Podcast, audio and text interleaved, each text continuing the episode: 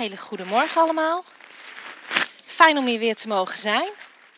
En dat op zo'n bijzondere feestdag, de eerste advent. Daar zullen we vandaag ook met elkaar over nadenken, over de betekenis van advent. Clemens had al wat uh, erover laten vallen, over de eerste uh, kaas. Want we steken vier kaarsen aan met advent. Dat is een traditie die u wat u natuurlijk allemaal weet uit de 19e eeuw van de Duitse Lutheranen. Die hebben dat ingesteld. En wij volgen dat nog steeds. En alle vier die kaarsen zijn ergens een symbool van. Wie kan mij zo even vertellen? Die tweede is de vrede.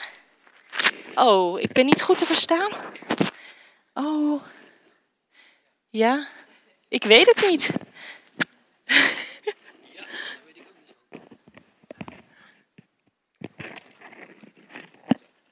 Zo, is het zo beter? Ja? Oké. Nou, dankjewel.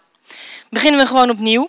Um, er zijn vier kaarsen, wat Clemens al aangaf. En die zijn allemaal ergens symbool voor. En de tweede was van de vrede. Um, en wie weet waar de andere drie symbool van zijn. Want we doen het ieder jaar. We steken vier kaarsen aan. Geen idee. Nou, kijk, kan ik u nu alvast iets leren? Dat is mooi. De eerste is het symbool van de hoop. En die is vandaag aangestoken. Adventperiode begint met hoop. En daarom wil ik het vandaag ook vooral gaan hebben over waar we onze hoop in hebben, waar we onze verwachting vandaan halen. De tweede is het symbool van de wens naar de vrede, de wereldvrede. De derde het teken van de vreugde. En de vierde het symbool van de liefde. En dat zijn vier facetten die allemaal vooruitwijzen naar de komst van de Heer Jezus en wat dat voor ons betekent. Dat de Heer Jezus onze hoop is, dat de Heer Jezus de vredevorst is, dat onze vreugde volledig is in de komst van de Heer Jezus, dat Hij de vreugde van ons leven kan zijn en dat Hij het symbool is van Gods liefdevolle vaderhart. En dat vind ik een mooi begin om de adventperiode, want adventperiode is vaak in een tijd dat het buiten wat donkerder wordt, dat het wat kouder wordt. En dat we ook die duisternis en die koudheid soms om ons heen kunnen ervaren. Wat, wat Clemens ook al aangaf, oorlogen die er zijn. Maar ook als we dichter bij huis kijken, de verdeeldheid die heerst in Nederland. De, de ontevredenheid, maar ook in ons eigen leven het gebrek aan liefde wat we soms kennen, het gebrek aan vooruitzicht, het gebrek aan hoop. En vandaag wil ik met u kijken naar wat de komst van de Heer Jezus toen en de wederkomst van de Heer Jezus, die spoedig zal zijn, maar we weten niet wanneer, wat die te betekenen hebben voor de hoop en de verwachting van de Heer Jezus vandaag in ons dagelijks leven. En dat zijn eigenlijk drie aspecten waar we dus naar gaan kijken. We gaan terugkijken op de komst van de Heer Jezus, die hoop bracht toen voor de wereld. We gaan vooruitkijken naar de wederkomst van de Heer Jezus en de hoop waar we van gezongen hebben, dat al onze tranen weggeveegd worden, dat de Heer Jezus, dat God het licht zal zijn en dat de duisternis niet meer zal zijn. En we gaan kijken naar wat dat vandaag de dag voor ons in onze situatie betekent en of we misschien al dat licht ook nu al in ons leven kunnen ontvangen. En ik ga daarvoor een stuk met u lezen. En we gaan lezen uit Lucas 4. Even kijken, ik ga eerst iets vertellen voordat ik het laat zien, anders gaat u vast stiekem lezen. Uh, we lezen een stuk waar het in de tijd van Israël een moeilijke tijd was. Het is nu een moeilijke tijd, maar eigenlijk zijn ze dat wel gewend. Moeilijke tijden. Ze leefden onder onderheersing van de Romeinen. En 400 jaar daarvoor waren ze vanuit ballingschap teruggekeerd. Ze hadden de tempel opgebouwd, de tempeldienst was opnieuw geïntroduceerd en ze zagen uit naar de Messias. Maar die bleef maar weg. En ze dachten, hij gaat nu toch komen. Maar hij kwam maar niet. Wat wel kwamen waren mensen die zich voordeden als Messias, maar het niet waren. Wat kwamen waren slechte leiders en waren buitenlandse overheersers dus ze zaten in een tijd van wanhoop, van teleurstelling. En stiekem ergens nog een stronkje verwachting, maar zou dat wel komen? En wat verwachten we dan eigenlijk?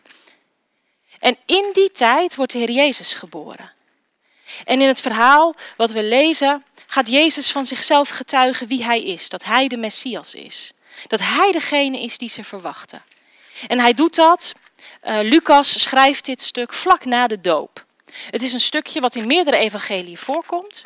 Maar bij Lucas, die schrijft het aan het begin van zijn evangelie. Jezus wordt gedoopt en daarna gaat hij naar Nazareth, getuigt in de synagoge van zichzelf. Laten we gaan. Oh, welke kant moet ik op klikken? Um, hij zou het doen, maar mogen we? Ja, oké.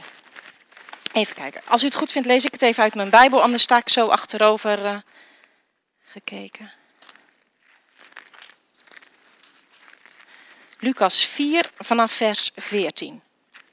Jezus keerde, gesterkt door de geest, terug naar Galilea. Het nieuws over hem verspreidde zich in de hele streek. Hij gaf onderricht in de synagoge en werd door allen geprezen. Hij kwam ook in Nazareth, waar hij was opgegroeid. En volgens zijn gewoonte ging hij op sabbat naar de synagoge.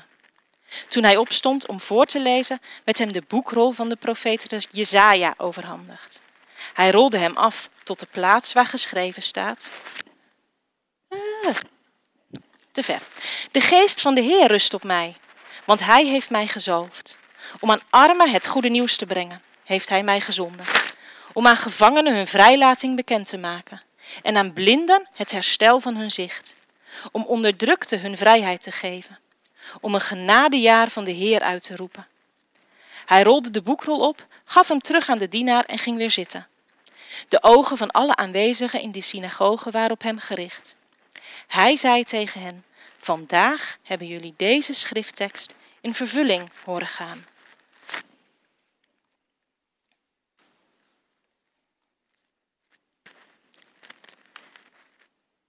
De Heer Jezus is gekomen. Hij komt in Nazareth nadat hij eerst door een aantal streken gereisd heeft. En alle mensen staan versteld van de woorden die hij spreekt. Alle mensen denken, wat is hier aan de hand? Dit is anders. Dit is iets bijzonders. En de Heer Jezus laat in dit stukje eigenlijk zien, hij zegt, er is geprofeteerd dat de Messias zou komen. Een Messias die de armen het goede nieuws zou brengen die de gevangenen vrij zou laten, die de blinden zicht zou geven, de onderdrukte hun vrijheid en die het begin van het genadejaar van de Heer zou geven. En deze tijd is nu gekomen. Ik ben er en ik breng het. En in eerste instantie heeft Jezus het dan helemaal niet over de wonderen die hij allemaal zal verrichten. De mensen denken van wel, want die gaan op een gegeven moment aan hem vragen: Nou, als u dat bent, laat u dan maar zien dat u het bent. En dan zegt Jezus: Ja, jullie hebben geen geloof in mij. Uh, een profeet wordt niet gezien in zijn eigen stad. En ze geloven hem niet en ze willen hem dan doden, omdat hij proclameert de Messias te zijn en zij hem niet geloven. En hij hen vervolgens vertelt dat het heil naar de heidenen zal gaan. En Lucas plaatst dat eigenlijk in het begin, omdat het een samenvatting geeft van de twee boeken die Lucas geschreven heeft: het Evangelie en de Handelingen. En het is een samenvatting van Jezus die al profeteert dat hij afgewezen zal worden door de Joden en dat het heil uiteindelijk naar de heidenen zou gaan. Over naar alle volken. Maar dat hij in eerste instantie komt voor de Joden. Maar zij wijzen hem af. Hij predikt het koninkrijk, het begin van het koninkrijk. En uh, te, horen, wat Jezus precies spreekt, Marcus die vat het in één tekst zo mooi samen, die wil ik eventjes uh, aan u voorlezen. Dat is Marcus 1, vers 15. En voor de context lees ik even vers 14 erbij. Nadat Johannes gevangen genomen was, ging Jezus naar Galilea, waar hij Gods goede nieuws verkondigde. Dit was wat hij zei: De tijd is aangebroken. Het koninkrijk van God is nabij. Kom tot keer en hecht geloof aan het goede nieuws. Jezus zegt: Er is een belofte geweest. God heeft de Messias beloofd. En ik ben er. De Messias is er. En zijn taak is niet om andere koninkrijken te verdelgen.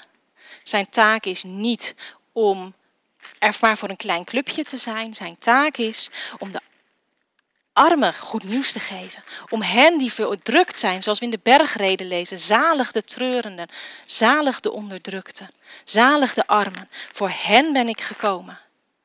En de mensen uit Nazareth zagen het niet, want zij zeiden tegen elkaar: Dat is toch de zoon van Jozef? Is toch niet Gods zoon? Is toch de zoon van Jozef? We kennen hem. Hij kan het toch niet zijn? Ze zaten zo vast aan hun eigen verwachtingen van wie de Heer Jezus was, dat ze hem misten. En wij mogen terugkijken en zien wie de Heer Jezus zegt dat Hij is. Wij mogen zien wie de Heer Jezus zegt dat Hij toen was, maar wie Hij ook vandaag nog is. Want ook vandaag wil de Heer Jezus nog precies hetzelfde als toen. Maar daar komen we straks op. We kunnen terugkijken naar wie Jezus was en we kunnen vooruitkijken, wat we ook in de liederen gedaan hebben. Want ooit op een dag, zegt de Bijbel, komt Jezus terug. En dan zal dat koninkrijk, wat begonnen was op het moment dat Jezus er was, zal in zijn volledigheid zichtbaar worden. Dan zullen voor alle armen zullen rijk zijn. Alle gevangenen zullen echt, echt vrij zijn. En ons zicht zal volledig zijn. Waarvan Paulus zegt, nu zien we nog in spiegels, in raadselen. We zien nog maar een beetje. Dan, in de eeuwigheid, zullen we Hem zien, van aangezicht tot aangezicht, zoals Hij ons al ziet. We zullen Hem helemaal kennen. En het licht, zal, God zal ons licht zijn. Er zal geen duisternis meer zijn. De zon hoeft niet te schijnen, want God is ons licht. En als we dan bij Advent hergedenken dat het licht komt in de duisternis, dan is dat begonnen met de komst van Jezus. Toen is het licht op de aarde gekomen. Dan gaat dat nog steeds door. Er is nog steeds licht op deze aarde. Want als Jezus zegt, jullie zijn het licht van de wereld, dan is het dat licht. Dat licht wat met de komst van Jezus gekomen is, wat met de uitstorting van de Heilige Geest in de gemeente geplaatst is en wat tegen de tijd dat Hij terugkomt de hele aarde zal overnemen. En zijn vrederijk zal beginnen. Dat is een hoopvolle toekomst die we hebben. Dat is waar we naar uit mogen kijken. Maar ook dat is voor ons soms net zoals voor die mensen toen. Ze hadden een Messias-verwachting. Er zou een redder komen. Maar wie? Wat? Hoe? Wanneer? En ook voor ons, als wij de profetieën lezen, zijn sommige dingen, laten we heel eerlijk zijn, gewoon een raadsel. Ik snap er niks van. Als God zegt, ik ga een nieuwe aarde maken en alle mensen die ooit geleefd hebben, moeten daar dan op gaan passen, denk ik, nou, ik weet niet hoe dat kan. Ik weet niet hoe u het bedoeld hebt. Ik snap het niet. Maar ik geloof dat als u het zegt, dat het dan gebeurt en dat het wel duidelijk zal worden. En vandaag de dag, wat ik zei, schijnt het licht ook al. Niet alleen in de gemeente, ook in ons leven, kennen we duisternis. Kennen we dingen waar we aan vastzitten. We zijn soms gevangen. We zijn soms blind. En we worden soms onderdrukt. En ook in die dingen wil Jezus vandaag de dag komen. Ook in die duisternis wil Jezus met zijn licht komen. Maar er zijn een aantal dingen die ons daarvoor in de weg kunnen zitten. En ik heb eventjes uh, een beeldje gemaakt van de mensen die leefden in de tijd van Jezus. En er waren een aantal groeperingen. En ik denk als we daar even goed op inzoomen, dat we daar iets van kunnen leren. De eerste groep is de Fariseërs. Zij waren vooral teleurgesteld in het uitblijven van de Messias. Want God had gezegd: Als jullie je aan mijn wetten houden, dan zal ik komen. En dat is ook de reden dat als we de evangelie lezen, dan zien we die fariseërs elke keer zo strak op de wet. Maar de wet zegt toch dit en de wet zegt toch dat en de wet zegt... Dat was niet alleen omdat zij dat zo graag wilden, maar omdat ze echt geloofden en overtuigd waren, als het hele volk zich aan de wet houdt, dan zal de Messias komen. Dus daar komt daar vervolgens een Joodse rabbi en die laat zijn discipelen aren plukken op de Sabbat. Ja jongens, als we dat gaan doen, komt die Messias helemaal nooit meer. Maar ze hadden niet door dat hij er al was. Zij dachten, we moeten eerst de wet houden en pas dan kan God komen. En als ik naar mijn eigen leven kijk, is dat soms ook een struikelblok. Hebben we, heb ik soms het idee, God wil wel door mij heen werken, God wil wel in mijn leven komen, maar eerst moet ik dit opruimen, moet ik dit goed doen, mag ik niet meer onaardig zijn, mag ik niet meer ongeduldig zijn voor mijn kinderen, want anders kan God mij niet gebruiken. Maar God is genadig. God wil in ons leven komen. Eerst genade en ja, levensheiliging is absoluut een onderdeel. Maar God zegt niet, je moet eerst aan deze en deze en deze en deze voorwaarden voldoen en pas dan is mijn licht voor jou. Jezus is in deze wereld gekomen die volledig duister was. Gods genade komt eerst. En het gevoel dat jij eerst iets moet doen en het pas dan genade is, dat is een leugen. Dat is een leugen van de duisternis die jou af wil houden van het licht. De tweede groep, de Sadduceeën.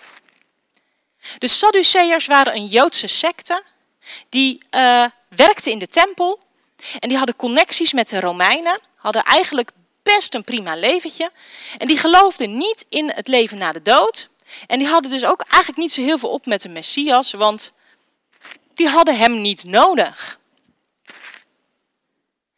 En als wij kijken naar ons leven hier in het Westen en we kijken naar de wetenschap die alles kan verklaren, dan is die gedachte, heb ik God wel nodig? Ik heb een baan, ik heb familie, uh, ik heb vrienden, ik heb eten en drinken. Wij zijn niet meer gewend om te leven in afhankelijkheid en in verwachting van God. Maar de gedachte, ik heb God hier niet voor nodig, is er één die ons best wel eens dwars kan zitten. Is er één die ons af kan houden van het echt ervaren van de hoop en van de vreugde en van de liefde en van de vrede. En de andere, wat bij de Sadduceeën, als zij zich overgaven aan de Messias, dan waren ze hun mooie voorkeurspositie kwijt. Eén term die je bij jongeren vaak hoort is what's in it for me. Alles wat je doet, moet je iets opleveren. Wat kost het me? Wat levert het me op? We hebben een hele economische samenleving. Alles wordt afgewegen. Voordelen, nadelen, baten, lasten. Alles moet iets opleveren. Want wat je investeert, moet je toch minstens terugverdienen. Maar als je gaat denken uit wat kost het me, kan het wel eens zijn dat het idee dat het je wat gaat kosten, je afhoudt van het feit dat God je iets heel anders wil geven, wat je nooit voor ogen had. De derde groep die we zien in de tijd van de Heer Jezus waren de Zeloten. Dat was wat we nu zouden noemen de guerrilla-strijders. Het waren Joodse nationalisten die het niet erg vonden om Romeinen, maar soms ook volksgenoten die ze in de weg zaten een kopje kleiner te maken. Zij dachten, het doel heiligt de middelen. God wil ons dit land geven. Ja, dat klopt, maar dat moeten we wel zelf doen. Want hij heeft ruimschoots de tijd gehad om het te doen. Hij doet het niet. Nu is het aan ons. En ik denk dat daarachter eigenlijk ten diepste de, de vraag ligt: is God te vertrouwen? Of moet ik het zelf doen?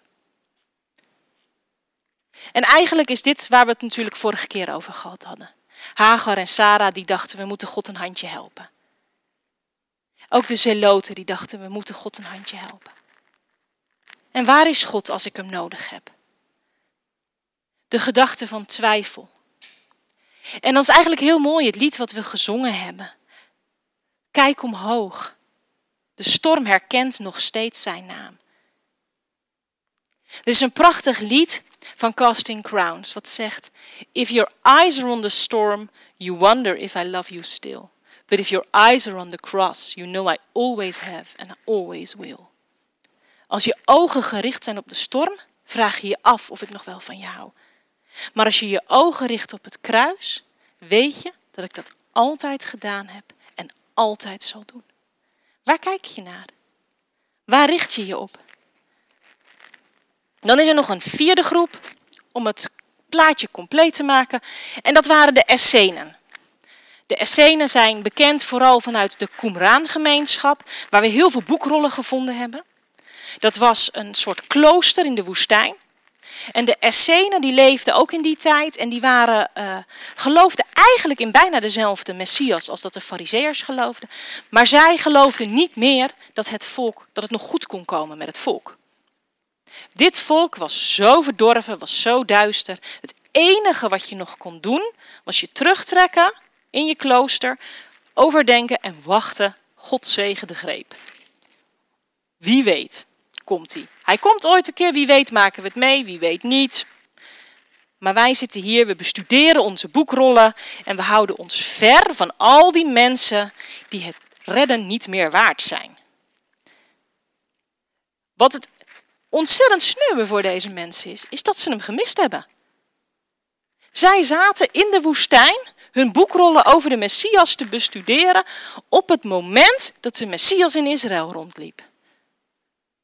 Zij vonden de maatschappij niet meer de moeite waard. Terwijl Jezus zegt, en ik kom in deze maatschappij, want ik hou van die mensen. En ik weet niet of u dat herkent.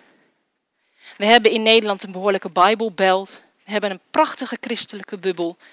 Je kunt heerlijk binnen de beschermde muren van je christelijk geloof blijven en geen contact meer hebben met die verschrikkelijke duistere buitenwereld.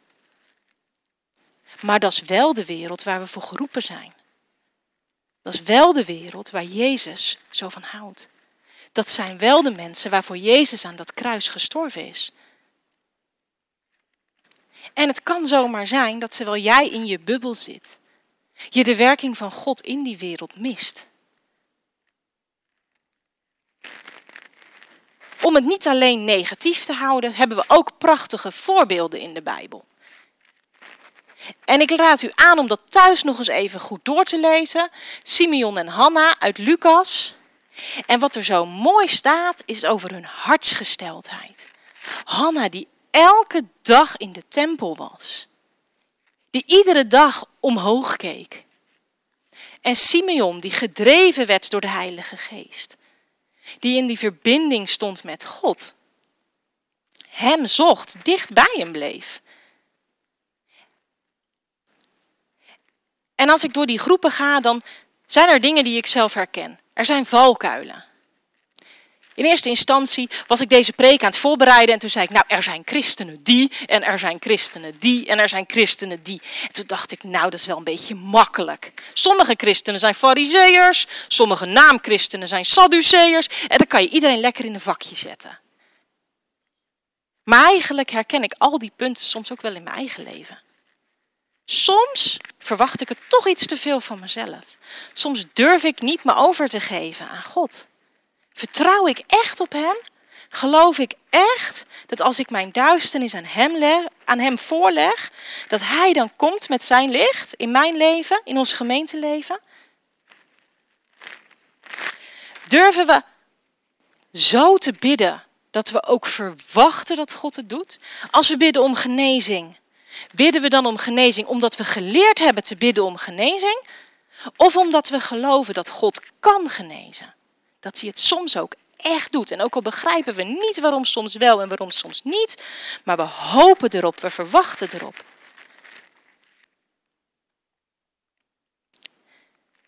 Ik wil u uitdagen om uh, deze adventsperiode van vier weken te gebruiken.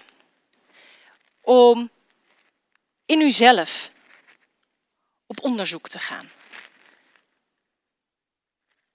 Wat zijn de vlakken van duisternis die u herkent, waarvan u zegt, hier is nieuwe hoop nodig.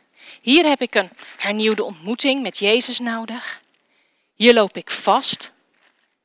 Hier heb ik gedachten die me in de weg zitten. Dit zijn zonden waar ik niet van loskom. Dit is eenzaamheid, ziekte, verdriet, waar ik, me niet, waar ik echt God in nodig heb. Of mensen in mijn omgeving, zoals hij zei, die vrouw die je iedere week ziet, om die uit te nodigen en erbij te brengen. En ook echt te geloven dat als ze komt, dat Jezus haar kan aanraken, dat ze een ontmoeting mag hebben met Jezus en dat Hij ook voor die duisternis gekomen is? Of dingen in de gemeente waarvan je zegt, hier hebben we een nieuw perspectief op nodig, een nieuw licht op nodig? Jezus is nog steeds degene die vrijlating brengt aan de gevangenen. Die zicht geeft als we verblind zijn. Het jaar van genade wat Jezus heeft aangekondigd en wat is afgelopen bij de wederkomst is nog steeds bezig. Er zijn zoveel mensen die Jezus nog niet kennen. En jullie als gemeente hebben een roeping om licht te zijn hier in Spijkenisse. En ik vind het een prachtig voorstel om mensen uit te gaan nodigen naar de kerstnachtdienst. Want er is licht, er is hoop. En als je ziet bijvoorbeeld wat de verkiezingen gezegd hebben, is dat mensen eigenlijk hopeloos zijn. Is dat mensen machteloos zijn, dat ze het niet meer weten. En dan maar gaan vertrouwen op mensen die schreeuwen dat ze wel een oplossing hebben. Terwijl de echte oplossing, de echte vrijheid, is een geestelijke vrijheid. Is een vrijheid in Jezus. Laten we de komende periode hiervoor bidden in verwachting. Dat Gods geest door ons heen mag werken in ons persoonlijk leven, in ons gemeenteleven, in spijkenissen. En dat Hij in deze duisternis een licht mag bieden wat nooit meer dooft. Laten we met elkaar een lied luisteren, het lied van Sela, als alles duister is. Ontsteek dan een lichtend vuur dat nooit meer dooft. En terwijl we dat luisteren, bij onszelf nadenken wat de dingen zijn waarin wij Gods licht nodig hebben. Want als we dan straks avondmaal gaan vieren met elkaar, dan sluit dat zo prachtig aan. Want Jezus is in die duisternis gekomen.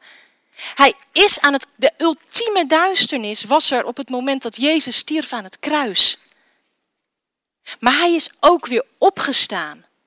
Hij is opgestaan, hij is naar de hemel gegaan, hij zit daar in de hemel om voor ons te bidden. Hij, als wij het niet meer weten, bidt hij voor ons.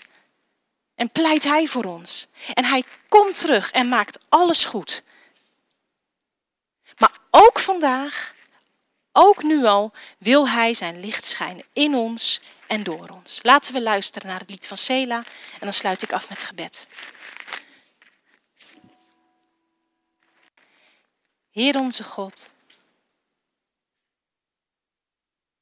Heer, we herkennen soms zoveel duisternis om ons heen. Oorlogen die ons beangstigen. Mensen die worstelen met eenzaamheid, met ouderdom, met depressies. Vragen en twijfels die we soms hebben, bent u te vertrouwen? Komt u echt? Ben ik goed genoeg? Heer, en we, zullen ze, we willen ze voor uw troon brengen. U ziet ons hart aan. En u vraagt ons om met onze twijfels, om met onze zorgen, om met onze angsten naar u toe te komen. Omdat door alles heen de storm nog steeds uw naam kent. Omdat u in de duisternis gekomen bent. U bent naar ons toegekomen. En daardoor is de weg naar de hemel nu vrij.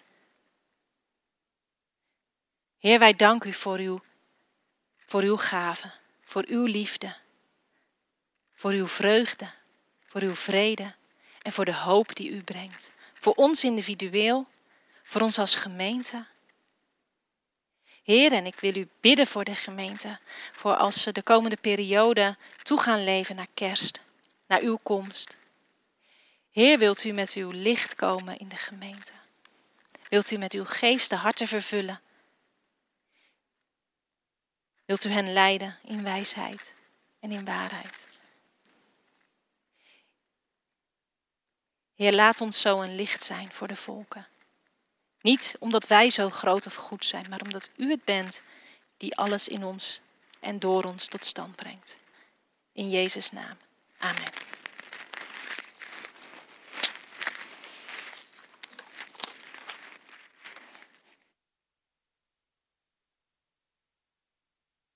Dan mag ik u allen nog de zegen meegeven. En doen we uit de brief van Paulus aan de Corinthiërs, waarin hij schrijft: De genade van de Heer Jezus Christus, de liefde van God en de gemeenschap van de Heilige Geest zij met u allen, totdat Hij komt. Amen.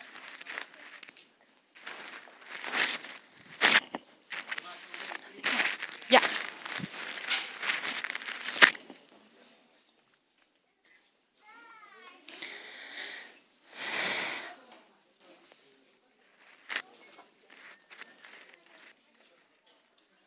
Oh, Anna, anders loop je even naar die. Uh...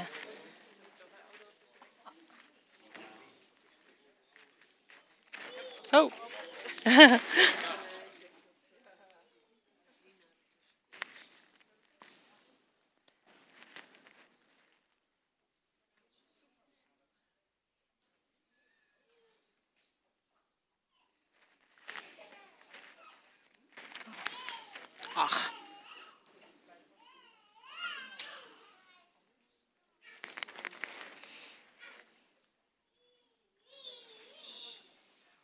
Laat jullie even ruimte maken. Oh, komt u maar.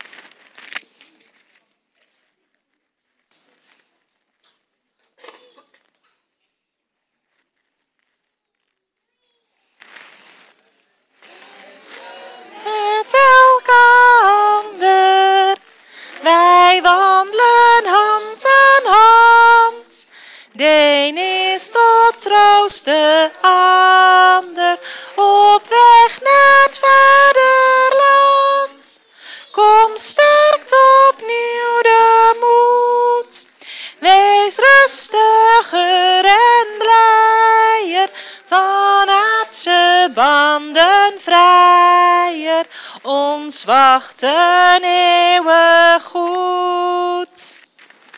Amen.